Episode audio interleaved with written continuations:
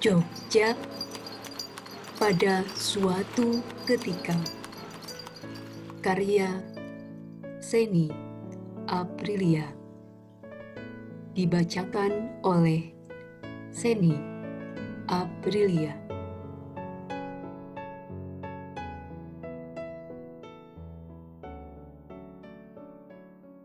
Malam menyimpan genggam demi genggam cerita, juga peristiwa. Untuk kemudian lapis ingatan disembunyikan waktu, dikemas rapi memori, terkunci. Di celahnya, ada kala muncul sebentuk kenang ihwal jalanan, bebunyian, juga jejak langkah sunyi terkulung hingga dini hari.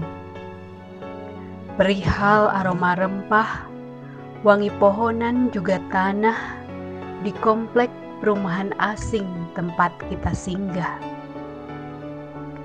Serta lembab embun yang menitis di pelipis, muncul magis menghisapku pada pusaran waktu itu.